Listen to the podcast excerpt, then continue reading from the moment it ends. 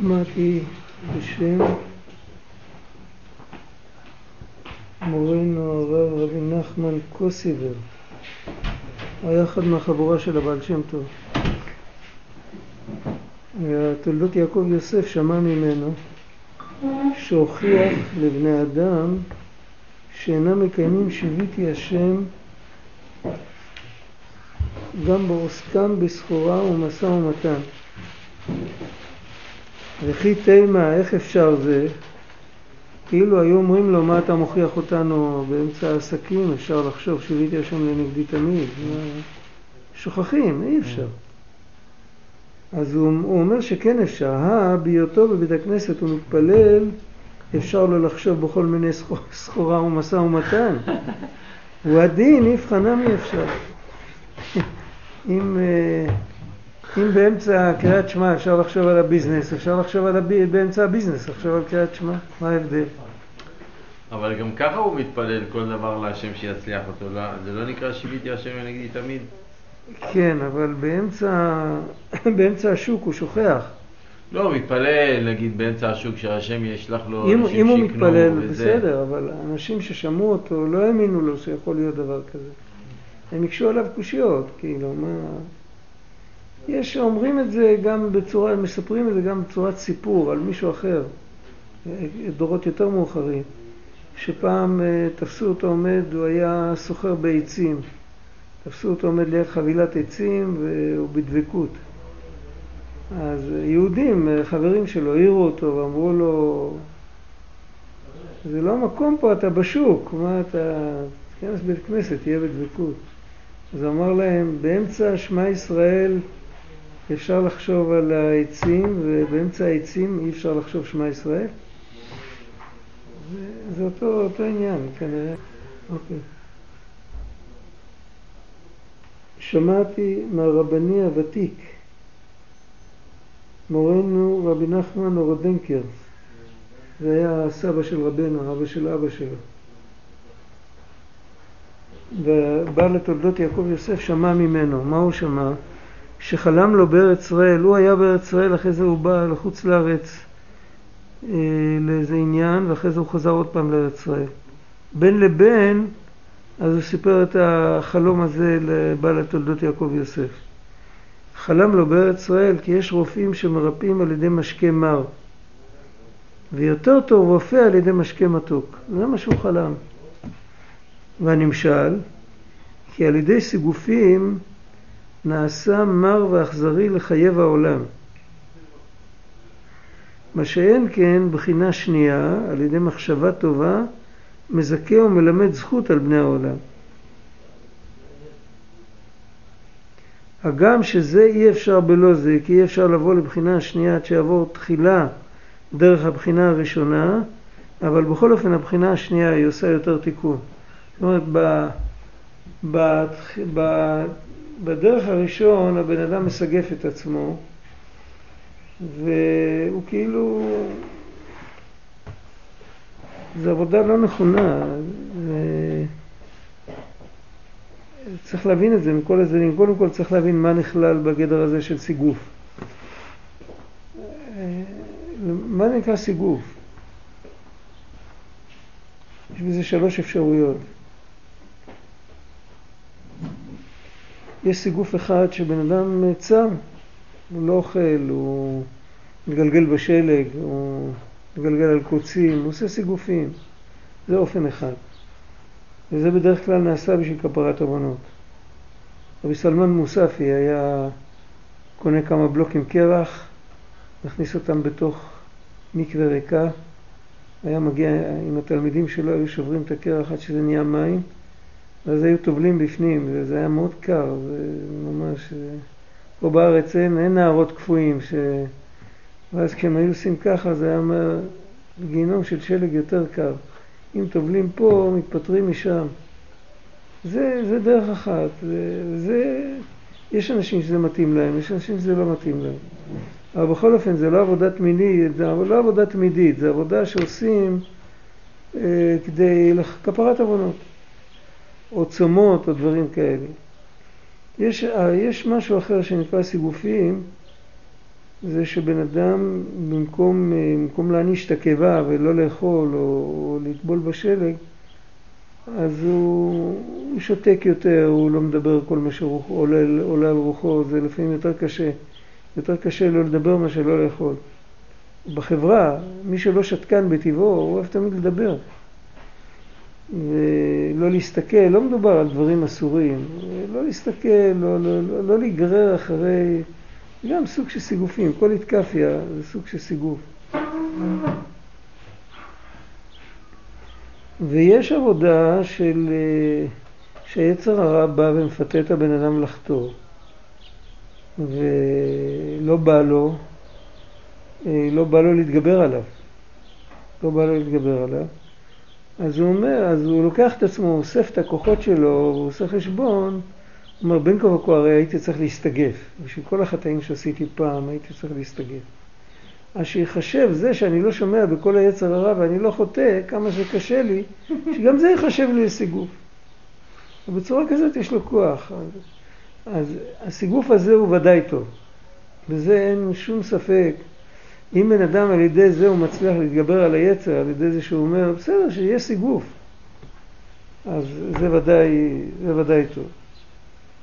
הסיגוף הראשון שבן אדם עושה סיגופים בשביל כפרה, בשביל זה, אז זה, זה תלוי מה המצב שלו ומה, גם מה המצב הבריאות שלו וגם אה, אם הוא לא עושה את זה יותר מדי וגם מה המצב של הנפש שלו, אם הוא לא, אם הוא לא ישתגע מזה. יש אנשים שיש להם מצבים חלשים אם מתחילים ללכת בדרכים האלה, אז אה, זה מזיק להם.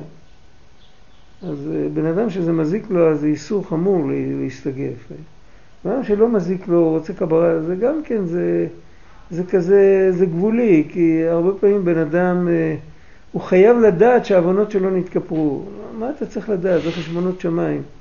אתה תעשה את שלך, תחזור בתשובה, איך כתוב שם, תפילה ותשובה וצדקה, מעבירים את רוע הגזרה. זה העסק שלך? אתה צריך ללכת להיות יותר חכם, לעשות ככה, לעשות ככה. יש אנשים שייכים לזה, אבל זה לא העבודה של כל אחד. עכשיו, יש סיגוף שהבן אדם אה, מצד עצמו, הוא לוקח על עצמו אה, כאילו לפרוש מהנאות העולם הזה. לא בגלל שזה אסור, לא בגלל שהוא רוצה, להתג... הוא... שהוא רוצה לחנך את היצר שלו שלא כל מה שרוצים אז עושים, זה סוג של אימון כזה, הוא מאמן את עצמו. עכשיו בזה, זה יכול להיות דבר נפלא, זה יכול להיות דבר מאוד גרוע. השאלה זה איזה רושם זה משאיר על הנפש. אם הבן אדם ממשיך להיות חביב, אדם חביב בין אדם לחברו, ולעצמו הוא כאילו, בלי שאף אחד ירגיש, בלי שאף אחד זה, הוא פורש מהרבה דברים שאנשים אחרים משתפים איתם פעולה, עם בד"ץ, כמובן, הכל כשר וזה, אבל לא, הוא כאילו, הוא לא צריך את זה בשביל לחיות, הוא שם את זה בצד. אבל הוא בן אדם שהוא הוא לא, הוא לא מתחיל להסתכל על כולם כעל בהמות, בגלל שהנה הוא הבן אדם, הוא האציל, הוא ה... כאילו, והם כולם בעלי תאווה. ו... אם בן אדם תופס את עצמו שבגלל זה הוא מתחיל ככה להסתכל על אנשים, אז זה לא אומר שהוא צריך להפסיק, אז זה אומר שהוא צריך לעשות רוויזיה ב... בהסתכלות שלו. קודם כל, זה דיברנו, דיברנו על זה כמה פעמים. מכל דבר בן אדם יכול ללמוד משהו. מכל דבר, אבל ללמוד משהו זה תמיד ללמוד מה אני אמור לעשות. כשבן אדם לומד מה אחרים צריכים לעשות, סימן שהוא לא למד שום דבר. אלא אם כן הוא מנהיג ישראל או משהו, אבל אם הוא בן אדם פרטי, אם בן אדם הגיע למסקנה של ללכת אחרי ההבל, וילכו אחרי ההבל ויבלו, וצריך לפרוש מאבלי העולם הזה, זו מסקנה נכונה, אבל זה בתנאי שהוא לוקח את זה לעצמו. הוא לוקח את זה, הוא הולך לפרוש מאבלי העולם הזה. אנשים אחרים עוד לא הגיעו עוד לא נפל להם מהאסימון. אז שיהנו, בן אדם טוב, טוב לו כשמישהו אחר נהנה.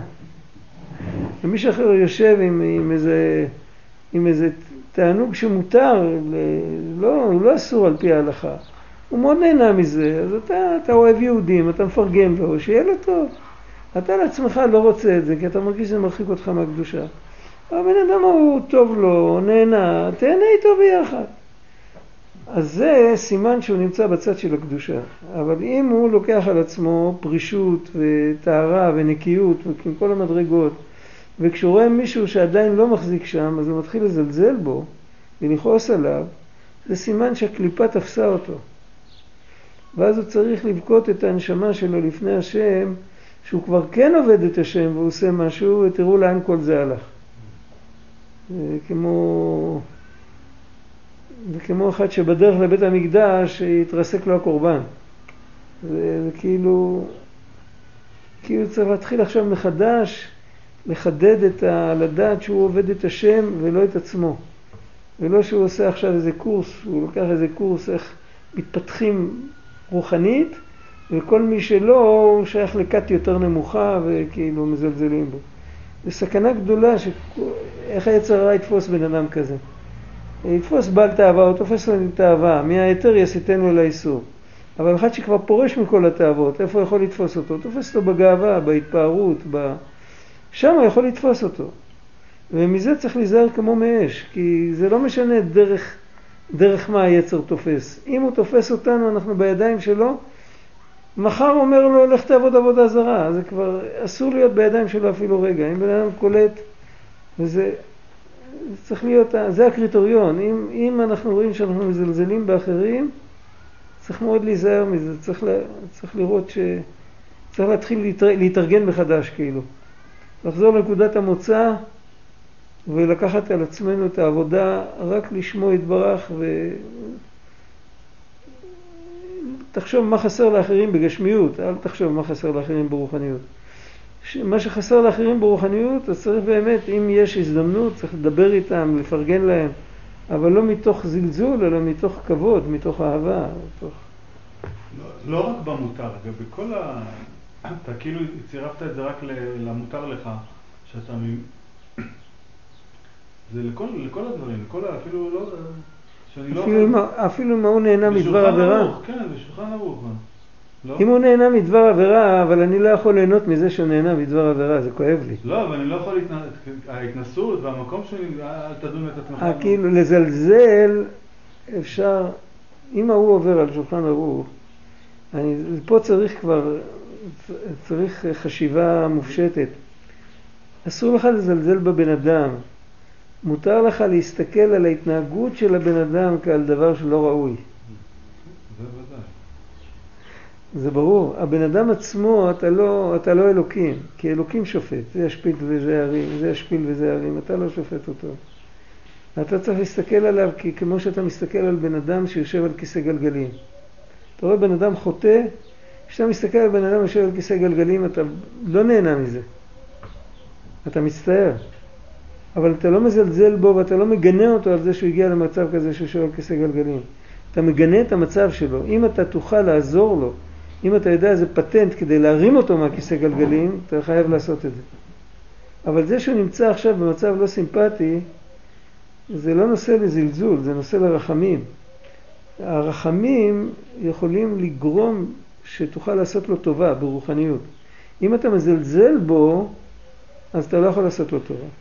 אתה להפך, אתה מוריד אותו. אם אתה משדר לו מחשבה לא טובה, אז זה משפיע עליו שהוא ירד עוד יותר נמוך. שהוא כבר לא יהיה על כיסא גלגלים, שהוא יהיה על מיטת גלגלים. אפילו לשבת הוא לא יוכל. וככה, כן, אם ב...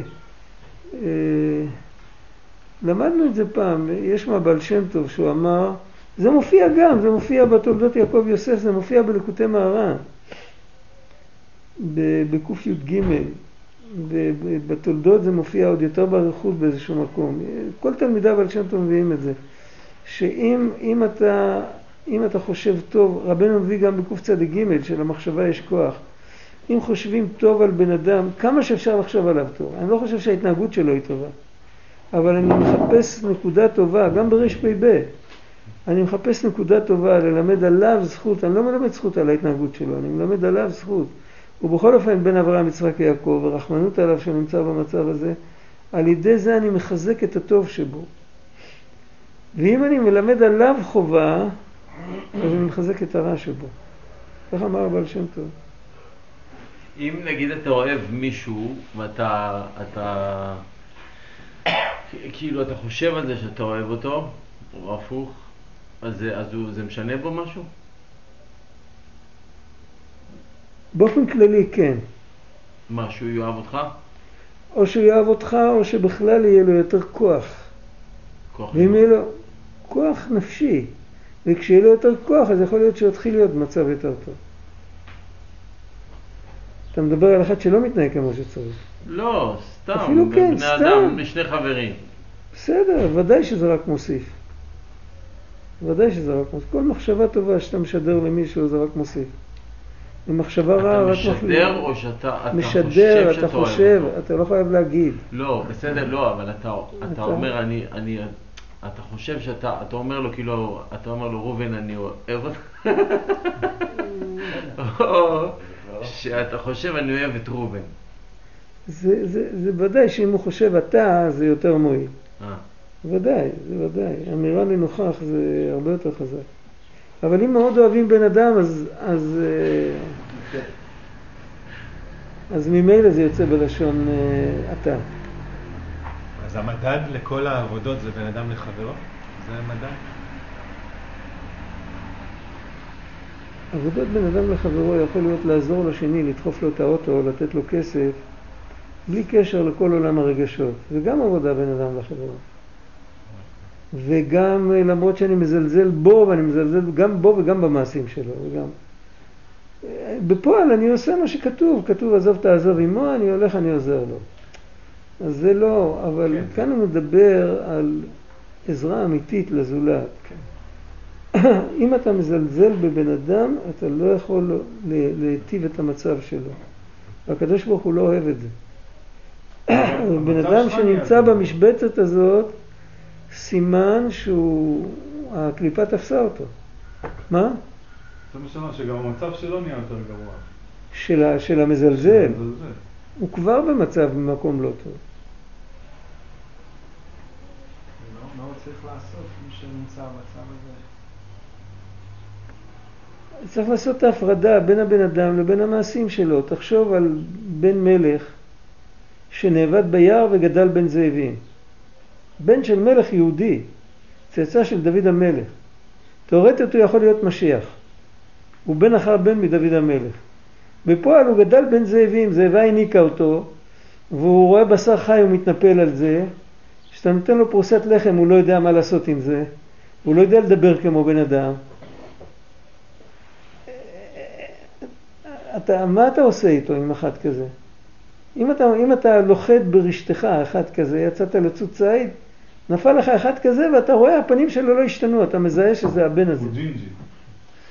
כן, אתה מזהה שזה הוא, מה תעשה לו? אז אתה יכול, ודאי שהמצב שלו הוא נורא ואיום, אבל דווקא בגלל זה אתה מרחם עליו, ואתה תנסה, לה, אם שייך לעזור לו, אתה ת- תעזור לו. אתה תלמד אותו לדבר, אתה תלמד אותו להתלבש, אני לא יודע איך. הסיפור של האינדיק, בסיפור של האינדיק כתוב שם שזה היה בן של מלך. יכול להיות כתוב שם זה היה ילד, ילד אנושי שהשתגע, מה לילד אנושי לא צריך לעזור, אבל הנקודה היא שאתה רואה יהודי שהוא מתחת לשולחן, שהוא חוטא, תזכור שהוא בן של מלך. הוא בן של מלך מלכי המלכים, אתה לא מזלזל בו, הוא הנשמה, מצד הנשמה שלו יותר גבוה מכל המלאכים ומכל הספירות. אם אתה מחזיק את זה בראש, אז כל הגישה שלך אליו תהיה אחרת. ממילא גם תוכל לעזור לו. זה דבר, אז אם בן אדם, עכשיו כאן אנחנו נכנסנו לכל זה דרך שער מאוד מאוד מיוחד. איך הבן אדם הגיע לזלזל? בגלל שהוא מסגף את עצמו, ואז הוא כנראה קיבל איזה גאווה, ואז זה גורם לו שיזלזל באחרים. הוא אז.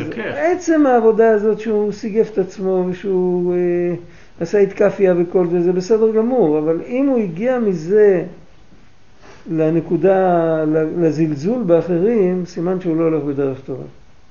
זה מה, ש, זה מה שהוא בא ל... זה כתוב, את זה הוא שמע מהסבא של רבנו, מרבי נחמן אורודנקר. תולדות יעקב יוסף שמע את זה בשמו. זה נשמע בכלל שהמזולזל הוא לא הנושא. השני הוא לא הנושא, הנושא זה זה שמזלזל וה- וה- והעבודה שהוא צריך לעשות על עצמו. כן, אוקיי, בסדר. אה, רגע, רציתי אוקיי. לשאול, מה שקרה עם רבי שמעון בר יוחאי והבן שלו שיצאו מהמערה, נכון. איזה עבודה הם עשו? הם היו צריכים לחזור. כן, שהם חזרו בשנה כשהם הזאת, מה חזרו הם עשו? בשנה הזאת, הם, הם למדו רפ"ב.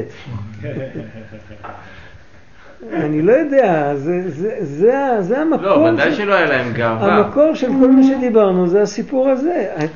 זה לא היה גאווה, אבל זה היה מידת הדין יותר מדי. מידת הדין שלא הייתה, לא, לא המתיקו אותה. מידת הדין שלא המתיקו אותה, אי אפשר להנהיג את העולם במידת הדין.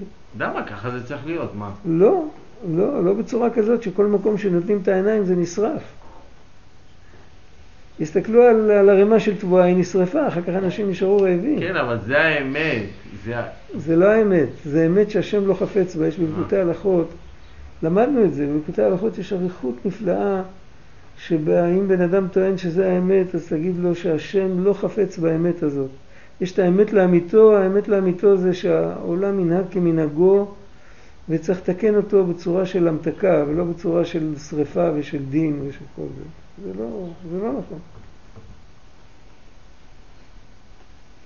עכשיו יש כאן המשך, זה קטע חדש כבר, האדם הוא עולם קטן ובידו קו המשקל להכריע העולם לדין או לרחמים כי בהתערותא דלתתא איתר לאלה. אז אם בן אדם מלמד זכות אז מלמדים למעלה זכות על כל העולם ואם בן אדם מקטרג אז הוא גורם קטרוגים גם על עצמו וגם על כולם.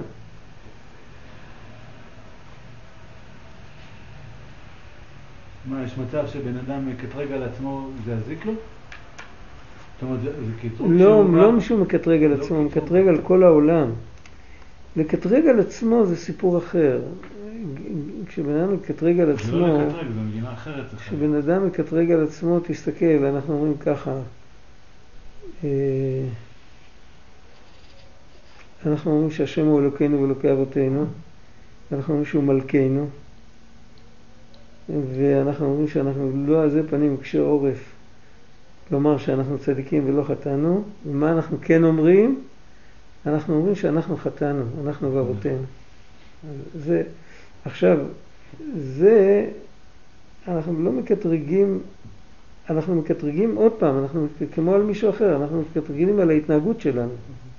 אנחנו בעצמנו עדיין בגדר שהשם הוא המלך שלנו, והשם הוא האלוקים שלנו, והאבות הקדושים הם האבות שלנו, וכל זה, וההתנהגות שלנו ושל אבותינו, לא של אבות אבותינו, אבל שלנו, אבותינו, היא צריכה, היא צריכה תיאור, היא צריכה שיפור, טעון שיפור. אבל זה לא אומר שאנחנו, זה לא, אבל אם בן אדם מקטרג על עצמו שאני לא שווה, כן, זה אין לי תקווה, אה, זה, על זה כתוב, רבי צדוק אומר ש, שאלישע בן אבויה שמע שובו בנים שובבים חוץ מאחר, הוא היה צריך להבין שזה רק לנסות אותו, כי זה לא יכול להיות אמיתי. כי מן השמיים לא היו משמיעים לו בת קול כזאת, אין דבר כזה. כל יהודי יכול תמיד לחזור בתשובה. זאת אומרת שלא יידח ממנו נידח. אז הקטרוג, אם בן אדם מקטרג על עצמו שהוא לא ראוי, אז זה יזיק לו. זה יזיק לכל העולם וזה יזיק לו. זה לא נכון.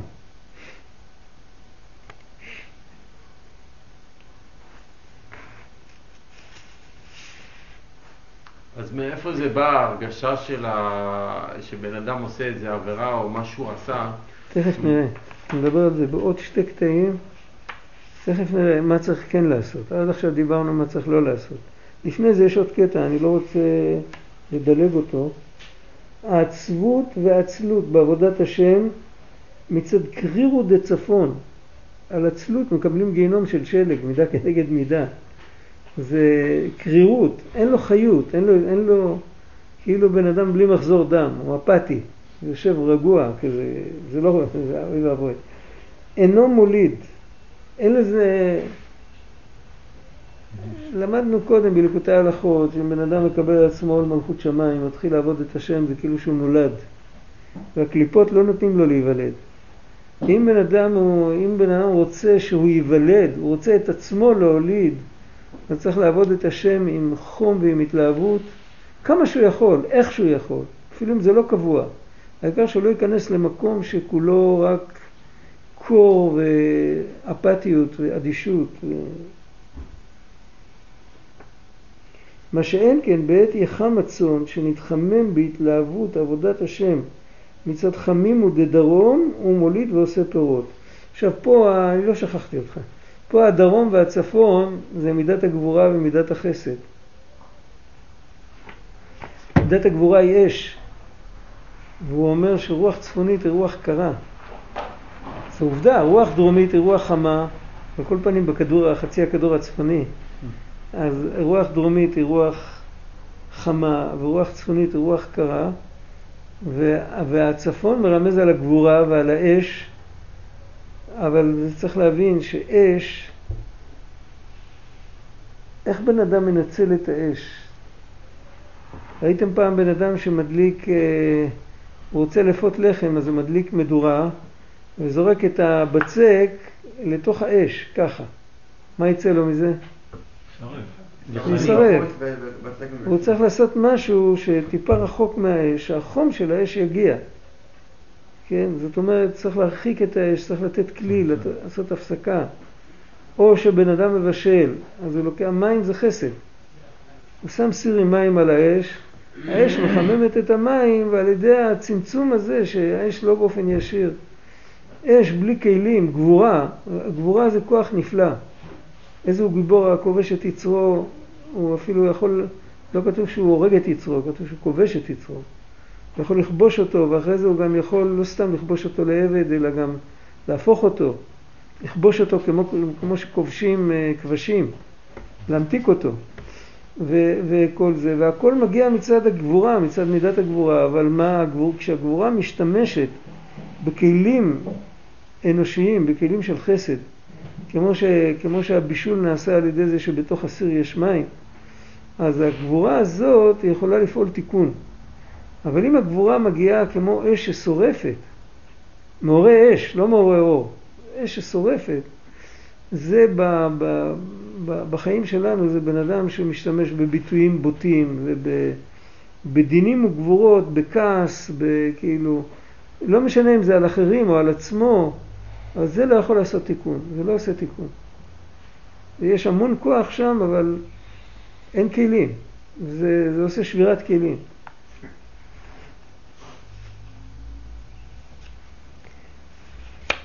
אז לכן, לכן החום מגיע מדרום. דרום זה המקום של החסד. החום צריך להתלבש בבחינה של, של חסד. אחרת אם מגיע רק האש, אם האש תגיע מצפון, אז אף אחד לא יכול לעמוד, לא יכול לעמוד מולה. אז למה הרוח צפון היא קרה? רוח צפון היא קרה, והוא מדבר כאן על קרירות שהיא לא ראויה. הרוח צפון יכולה, אתה יודע מה קורה בקור? תזזים. הוא מדבר על עצלות ועצבות ועל דברים כאלה. זה כל הקטע פה. וב-18 אנחנו פונים עם הפנים, רוצה להחכים, ידרים. אז לפי הדרך שלו זה מרמז על התלהבות, על, על לא, לא להיות... אה, תפילה בכוונה זה לא להיות בשיעור דקדוק. זה, זה לא תפילה בכוונה. יש אחד שהוא כאילו יודע בדיוק מה זה מחיה, מה זה מתים, מה זה ברחמים, מה זה רבים, מה זה, הוא יודע בדיוק כל מילה עם השורש, מה זה... זה לא תפילה בכוונה. תפילה בכוונה זה שהוא... אתה יודע מה זה מת? אתה רואה מת, הוא שוכב, יש עליו אבן, פתאום האבן נסדקת והמת קם. הוא מדבר אליך, הוא אומר, וואי, הרבה זמן לא ראיתי אותך. זאת להתחיל מראש להיכנס למקום שמעורר את הלב, כמה שאפשר. ואז יש סיכוי שהבן אדם יתחבר באמת עם עבודה, למרות שזה נראה מלאכותי כאילו, אבל עדיף מה שלהיות במקום של קרירות ושל... הרבה הרבה דיברו על זה, הרבה... במקום שזה לא היה, אז היצר הרע תפס, היה, היו קהילות שהיו, ב, ב, אני לא רוצה להגיד שמות, הם היו, במערב אירופה היו כאלה, שממש הם דקדקו על ההלכה וזה, אבל אה, היה שם אחד מגדולי ישראל מפולין, עבר שם פעם מקום כזה, אז הוא אמר, ראיתי שלט בחנות, גלידה קרה בהכ- בהכשר הרב, ולא הבנתי מה זה. עד שנכנסתי לבית הכנסת ראיתי את התפילה, אמרתי, הנה, זה גלידה קרה בהכשר הרב. כולם עמדו כמו פסלים מאובנים, לא שמעו כלום, היה הכל שקט, מחט הייתה נופלת, היית יכול לשמוע, הכל היה טיפ טופ, מאורגן ומסודר ו- ו- וזה, ו- והילדים שלהם והנכדים שלהם כולם עזבו את היהדות. ואיפה שהיה בלגן ורעש ו... והתפללו ושרו, אז אז, אה, נשאר יהדות, זה מציאות. בקור אין עכשיו צד, זה השאלה שלך, מה? בקור אין צד טוב גם, כי ראינו שבאש יש צד שהוא יכול להיות טוב ויכול להיות מזיק. ובקור אין את הבחינה הזאת?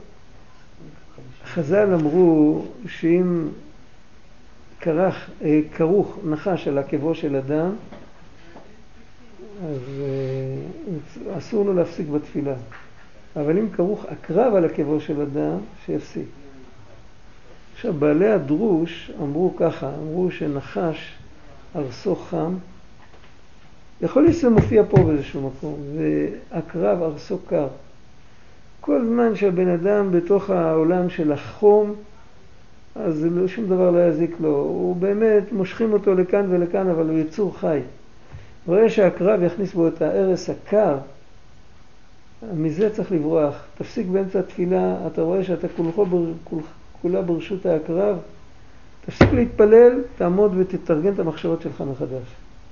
זה לא הדרך. אתה נמצא על מסלול לא נכון.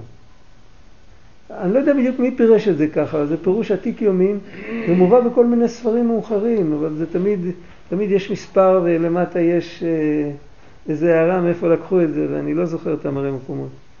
אני לא יכול להגיד דבר בשם אומרו. מקווה קר. אה? מקווה. אתה יודע איפה, מי, איפה זה לא, לא, אני אומר מקווה קר. מקווה קר זה... מקווה קר, אבל זה לא תפילה קרה. הוא, הוא סיפר, אה, בשפחה בעל שם טוב יש קטע שאחד מתלמידיו בעל שם טוב מספר, יכול להיות שזה אותו רבי נחמן מקוסוב שהזכרנו אותו קודם, הוא היה מהחבורה של הבעל שם טוב. בהתחלה הוא התנגד לבעל שם טוב. הוא היה נקרא חסיד, הוא היה עובד השם גדול, מקובל גדול, הוא כתב ספרים. הוא התנגד לבעל שם טוב, בסוף הוא הפך להיות תלמיד של הבעל שם טוב.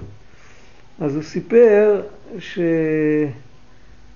שכשהוא היה אה, חסיד גדול, אז הוא סיפר על התקופה שלפני שהוא התקרב לבעל שם טוב. את עוונותיו הוא הזכיר. אז הוא, הוא היה טובל במקווה קרה, במקווה כל כך קרה, שה, שכמה שעות אחרי זה עוד הוא בא, נכנס לבית הכנסת והכתלים בערו מרוב חום של התנור, ולא עזר לו, לא הצליח, הוא לא הצליח להתחמם, כזאת מקווה קרה הייתה, ואף על פי כן עדיין עבודת השם שלו לא הייתה בשלמות עד שהוא הגיע לבעל שם טוב. אחרי כל הסיגופים וכל העניינים, אני לא זוכר בדיוק, זה קטע, שם יש גם טעות דפוס בתוך הקטע הזה, אז בכלל אי אפשר להבין כלום. אבל השם עזר, מצאו כתב יד, כתב יד אחר של שפחה בעל שם טוב, ושם היה כתוב הנוסח הנכון. אולי אם אני אסתכל פעם, אני, אני, יש, לי, יש לי צילום של הכתב יד הזה. מישהו הדפיס את זה. הדפיס, הדפיסו, מכרו את זה. אז אולי, אולי, אולי אם אני אזכור, אני, אבל יש דבר כזה שלפעמים קור, בעבודת השם, קור זה דבר עקר. שקוראים לזה עקר, זה לא מוליד. שיוויתי השם לנגדי תמיד לשון נגדיות. שמעתי, כותב בעל התולדות יעקב יוסף, הוא כותב שמעתי, כנראה מהבעל שם טוב, שיחזיר האדם את עצמו, איך הוא רחוק מהשם יתברך, על זה בדיוק אתה דיברת. אתה זוכר עוד מה שרצית לשאול? בן אדם עושה את החשבון שלו, רואה כמה הוא רחוק, כמה הוא בזבז, וכמה הוא... ולי נראה, לפי מה שקיבלתי מרבותיי וחבריי, איך היא... רגע, עוד פעם. שיוויתי השם לנגדי תמיד מלשון נגדיות, ושמעתי שיחזיר האדם את עצמו, איך הוא רחוק מהשם יתברך, זה, הוא שמע, יכול להיות שזה לא מהבעל שם טוב, יכול להיות שאחר כך חבריי ורבותיי זה מהבעל שם טוב. לי נראה, לפי מה שקיבלתי מרבותיי וחבריי, איך התנהג במידת רחמים עם כל אדם, וגם שרואה באיזה אדם שום דבר מכוער, ייתן לב, וגם על עצמו, וצריך להבין את זה, שגם שם שורש שמו יתברך דלת אתר פנוי מיני, ועל כן הוא לטובתו שיש בו גם כן שמץ מינהו וייתן ליבו לשוב. ותכף הוא מביא לזה דוגמה. הוא כותב, כאשר זכרתי בקונטרס האחרון בשם מוהר"ן, זה אחד משני הרבי נחמן הקודמים שהוא הזכיר, או זה או זה, לא כתוב כאן. בדרך כלל זה הרב נחמן מורודנקה, זה היה סבא של רבנו, אותו הוא מזכיר יותר. כגון שבא לו ביטול על ידי שום אדם בתורה או בתפילה. כן, מישהו, מישהו בחר לדבר אליו בדיוק מתי שהוא, מתי שבדיוק התחבר לו איזה משהו בתורה או בתפילה, ככה בדיוק נפל לו האסימון, אה, הוא קרא לו את החוט של המחשבה, מכירים את זה? שבדיוק עמלת, עמלת, עד שבסוף הבנת, בדיוק בא אליך ו... זה סתם איזה כאילו, עם איזה דבר שהוא לא, לא צריך אותו ולא כלום, שמעת מה קרה שם ושם. הלך הכל, עכשיו כל העבודה, מי יודע, ואותו דבר בתפילה, עד שבן אדם בסוף סוף נדלק הלב שלו, הוא התחיל להרגיש את המילה, את, ה, את המשפט כמו שצריך, פתאום בא מישהו, מתחיל להרעיש, מתחיל להפוך, מתחיל... לפעמים אפילו החזן בעצמו עושה את זה. התפקיד שלו כנראה. לא לתת לבן אדם להיות מכוון. מישהו צריך, ההפרעה צריכה להתלבש באיזה מישהו, כן. ובא לו ביטול על ידי שום אדם בתורה ובתפילה, ייתן שיכוון כוונה אחרת וכיוצא בזה שיקבל לטובה ואז ימצא שבאמת הוא טובתו. בשביל להסביר את הקטע הזה, אני, אני רוצה להשתמש בדוגמה. רב גדליה כותב במכתבים שלו, הוא כותב ככה, יהודי צריך לשמור על הקביעויות. יש לו דף יומי, יש לו משנה יומית, יש לו זה. לפעמים קורה, מגייסים אותך, אתה חייב לעזור פה, לעזור שם, אתה לא יכול, אתה, אין לו, נגמר היום. נגמר היום ואתה יודע שאם אתה לא עכשיו, אתה כבר לא מסוגל ללמוד, ואם אתה לא הולך עכשיו לישון, גם מחר לא יהיה לך יום. מה אתה עושה? הוא לבוא עליי ואני פורע, אתה הולך, אה, אתה הולך לישון, מחר יש לך שני דפים. הוא אומר, במקום לאכול את עצמו, בן אדם צריך לפקוח עיניים ולראות כשהוא לומד מחר את הדף של אתמול, שהרבה פעמים זה, זה נחוץ לו שילמד את זה בדיוק היום. עכשיו נתעוררה לו איזה בעיה שהדף של אתמול פותר לו את הבעיה. אם היה לומד את זה אתמול, עד היום יכול להיות שכבר היה שוכח והיה נשאר עם הבעיה. ואז זה נראה כאילו שהפריעו לו והפריעו לו והפריעו לו, אבל אחרי ככלות הכל, הכל היה מתוכנן. ואם בדיעבד נקלעת למצב כזה, אתה צריך לדעת שזה לטובתך. ואם תפתח עיניים, תראה את הטובה שלך. עכשיו, זה, זה מה שכותב במכתב שם. והוא כותב שהוא ניסה את זה והוא ראה כמה פעמים שזה נכון. שדווקא כשהוא, כשהוא, כשהיה צריך לעשות השלמות, אז, אז, אז פתאום הוא ראה שזה מאותו, מאותו דברים שקרו לו, קרו לו, והוא היה צריך, הוא היה צריך בדיוק את הדברים שהוא למד באותו יום. כן, גם לי זה קרה כמה פעמים. זה... מה זה? גם לי זה קרה כמה פעמים. זה... כן, זה... זה... עכשיו, לפי זה אפשר גם להבין את הקטע פה. פה הוא מדבר על בן אדם שהוא באמצע התורה, באמצע התפילה, מתי שהוא ממש בשיא, כאילו שצריך, אה, אסור לנגוע בו באותו רגע, כאילו. נכנס מישהו עם, אנחנו קוראים לזה ברוטליות, כאילו, מפריע, מדבר, מקשקש. הוא צריך להאמין שזה, הרי הוא לא בחר בזה. הוא לא בחר, הבן אדם לא בחר בזה, הוא צריך להאמין שזה לטובתו, והוא צריך למצוא בתוך אותה מחשבה שההוא זורק לו, כמובן לא מדובר על מחשבות אסורות, מדובר על, לא מדובר על גוי שמגיע, כן? מדובר על יהודי, יהודי שומר מצוות, אה, הוא כזה, אחד מהחבר'ה, שמע משהו בחדשות, הוא בא לספר את זה, בא לספר לכולם. אז הוא צריך להבין, ייתן שיכוון כוונה אחרת וכיוצא בזה, שיקבל לטובה, ואז ימצא שבאמת הוא טובתו. בסוף הוא יראה שמזה הוא מקבל איזה רמז שהוא רק מרוויח. למה למה הוא צריך לחפש את הרמז? יותר פשוט, שפשוט, אה, ש- זאת אומרת, ש- שיעבוד, שהוא לא יתרכז מהבן אדם, בלי להסתכל על מה הוא מקבל. למה. אתה צודק, לא, לא באמת, הוא לא אומר לחפש את הרמז, לא לחפש.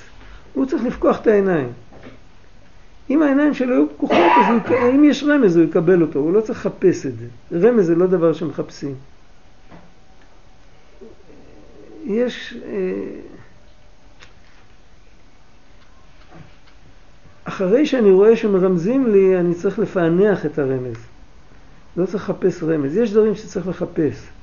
יהודית זה באמת, אה, בתורה א', בתורה נ"ד, כתוב שני דברים מאוד דומים, וכשמסתכלים בלשונות אה, שם של רבי אברהם, ואני לא יודע, אני לא זוכר כבר, רבי אברהם כותב על, על תורה א', הוא כותב להסתכל בשכל שבכל דבר, ורבנו מביא אחר כך בתורה החוכמה תחיה, אז הוא אומר לזכור ולחפש תמיד, לזכור, לחדד את זה שבכל דבר יש חיות אלוקי.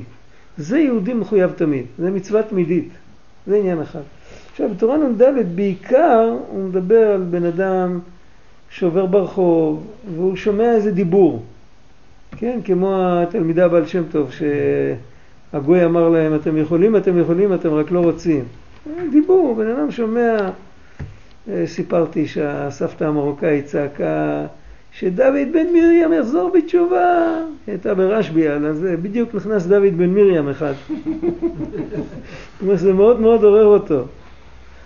אחד סיפר שהוא התעורר מאיזה אימא עומדת במרפסת וצועקת יוסי בוא הביתה, והוא קוראים לו יוסי. למה אני הייתי צריך לעבור פה בדיוק ברגע הזה? הקדוש ברוך הוא קורא לי שאני אחזור בתשובה, זה עורר אותו. הוא לא חיפש את זה, הוא לא חיפש את הרמז.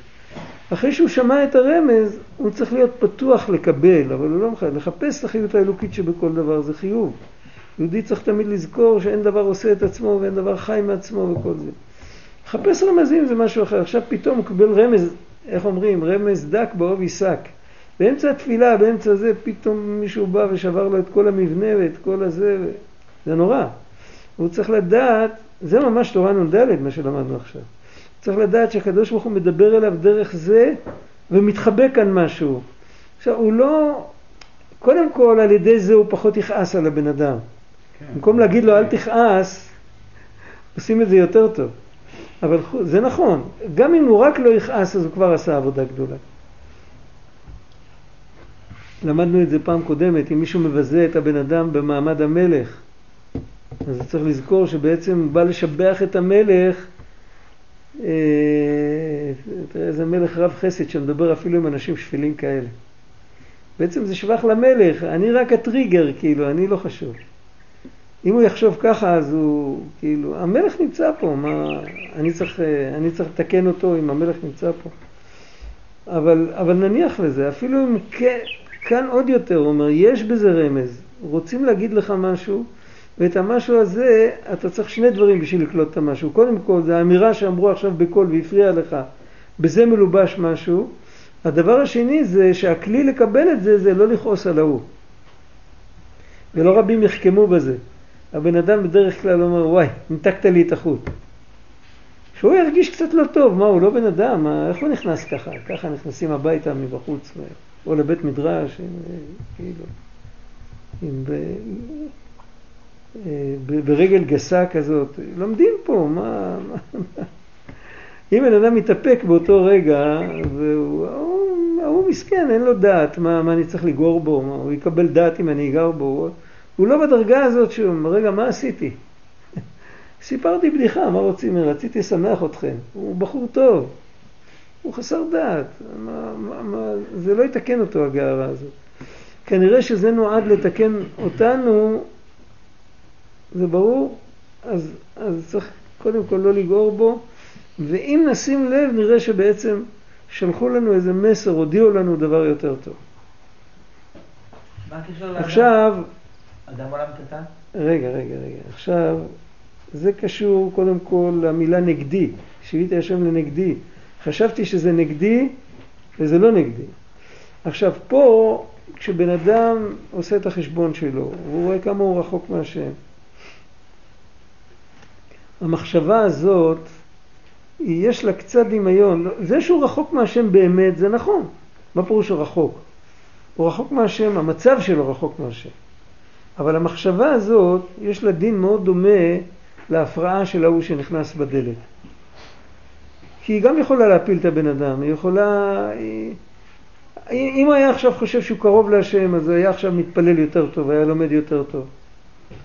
באמת הוא צריך להגיד לעצמו שמצד אחד אני רחוק מהשם במעשים שלי, אבל אני קרוב להשם בנשמה שלי, אני בן של השם. בין כך ובין כך בניי הם, להחליפם באומה אחרת אי אפשר, ככה אמרו חז"ל.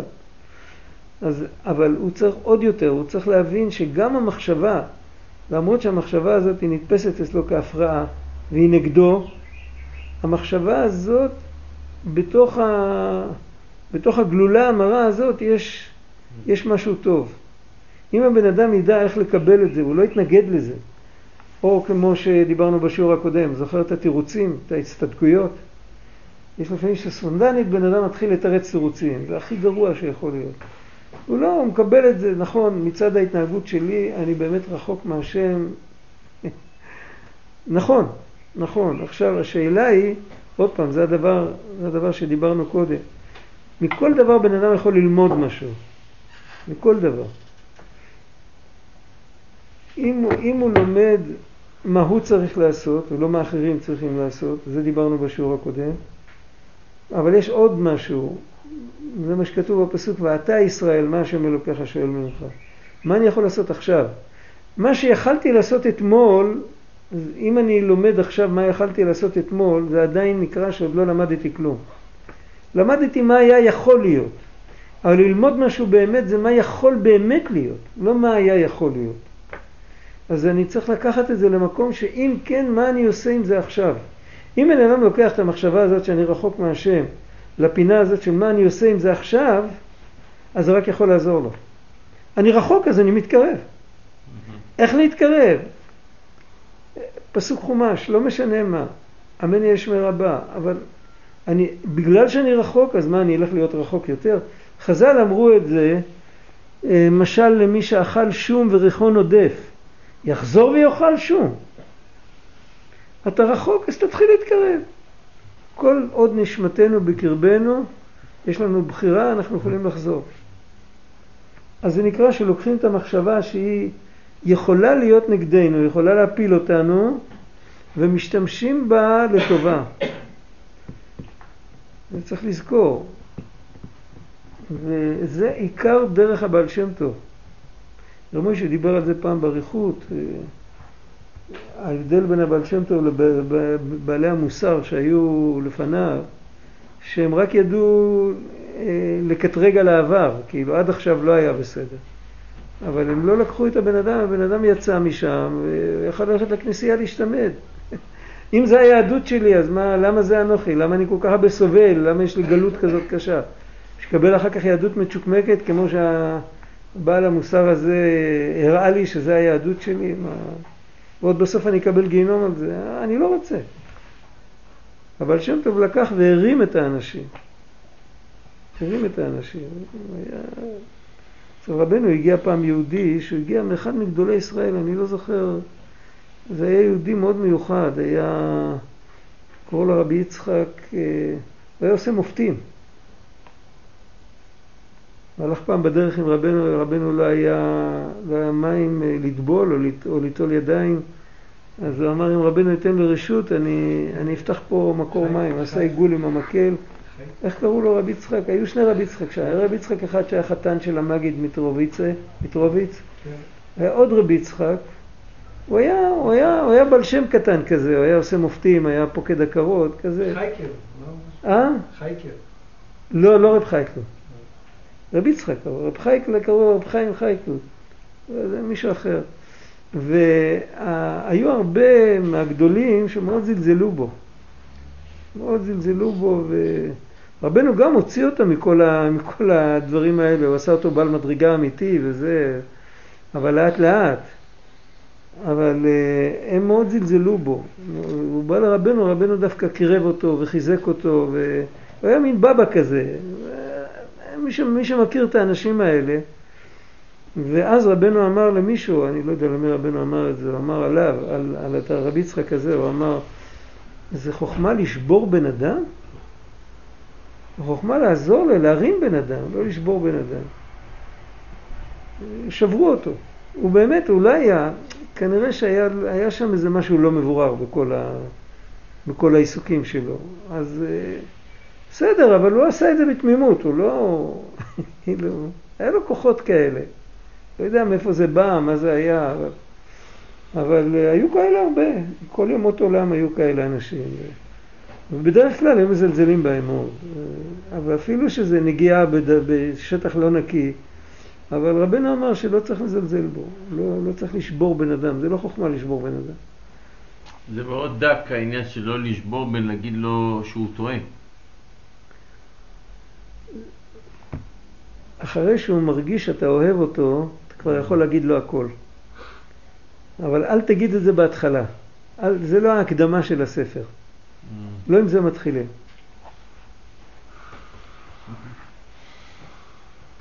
היה לנו משפיע בישיבה, שהוא אמר, הוא היה מלמד טניה.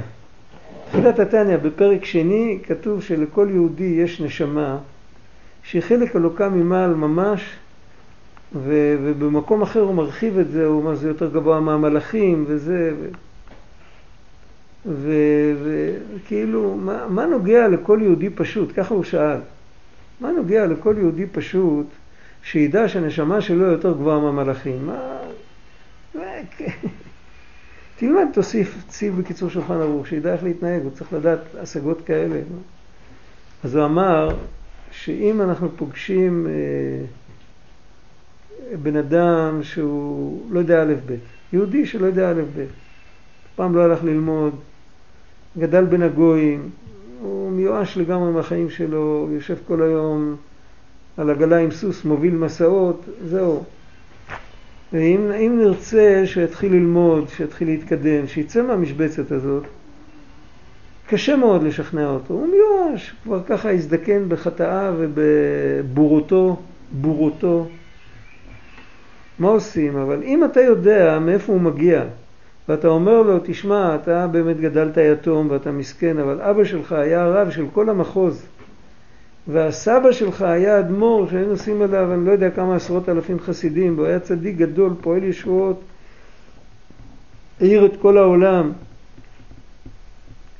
אם הוא מאמין לך, אז פתחת לו פתח.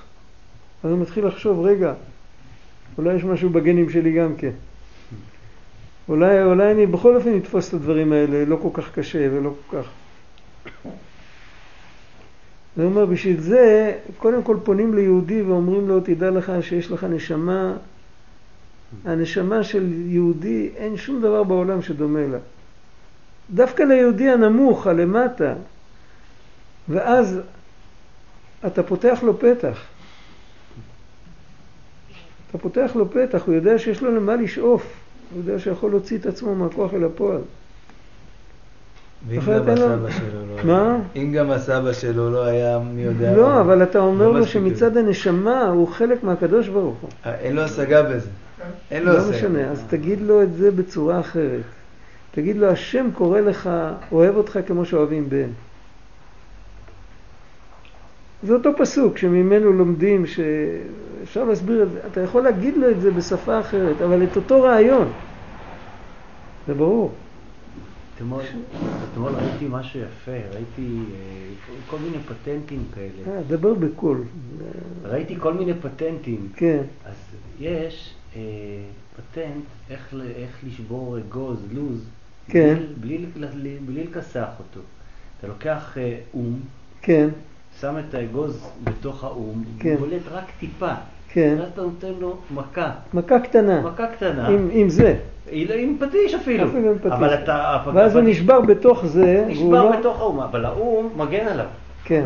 אז הוא לא, הוא, הזה, לא, הוא לא רץ לכל הכיוונים. הוא גם לא רץ לכל הכיוונים, וגם אתה לא נותן מכה ככה חזקה מדי, כי כן, האום כן, מגן יש לך. קונטרה.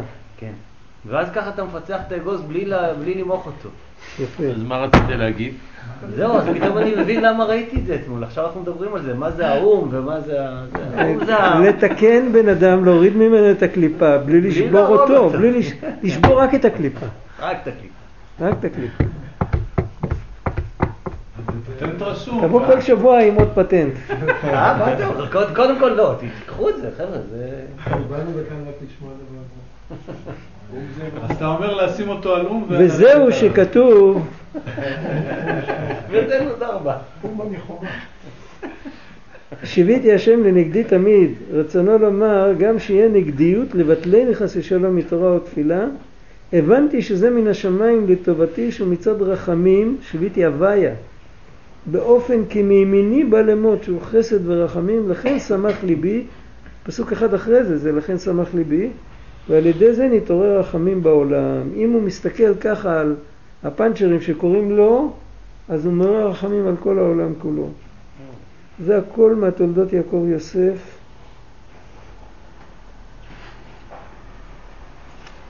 אה, פרשת וירא, אה, פרשת חיי שרה. טוב, לילה כבר, אה? אפשר להתפלל, הגיע הזמן.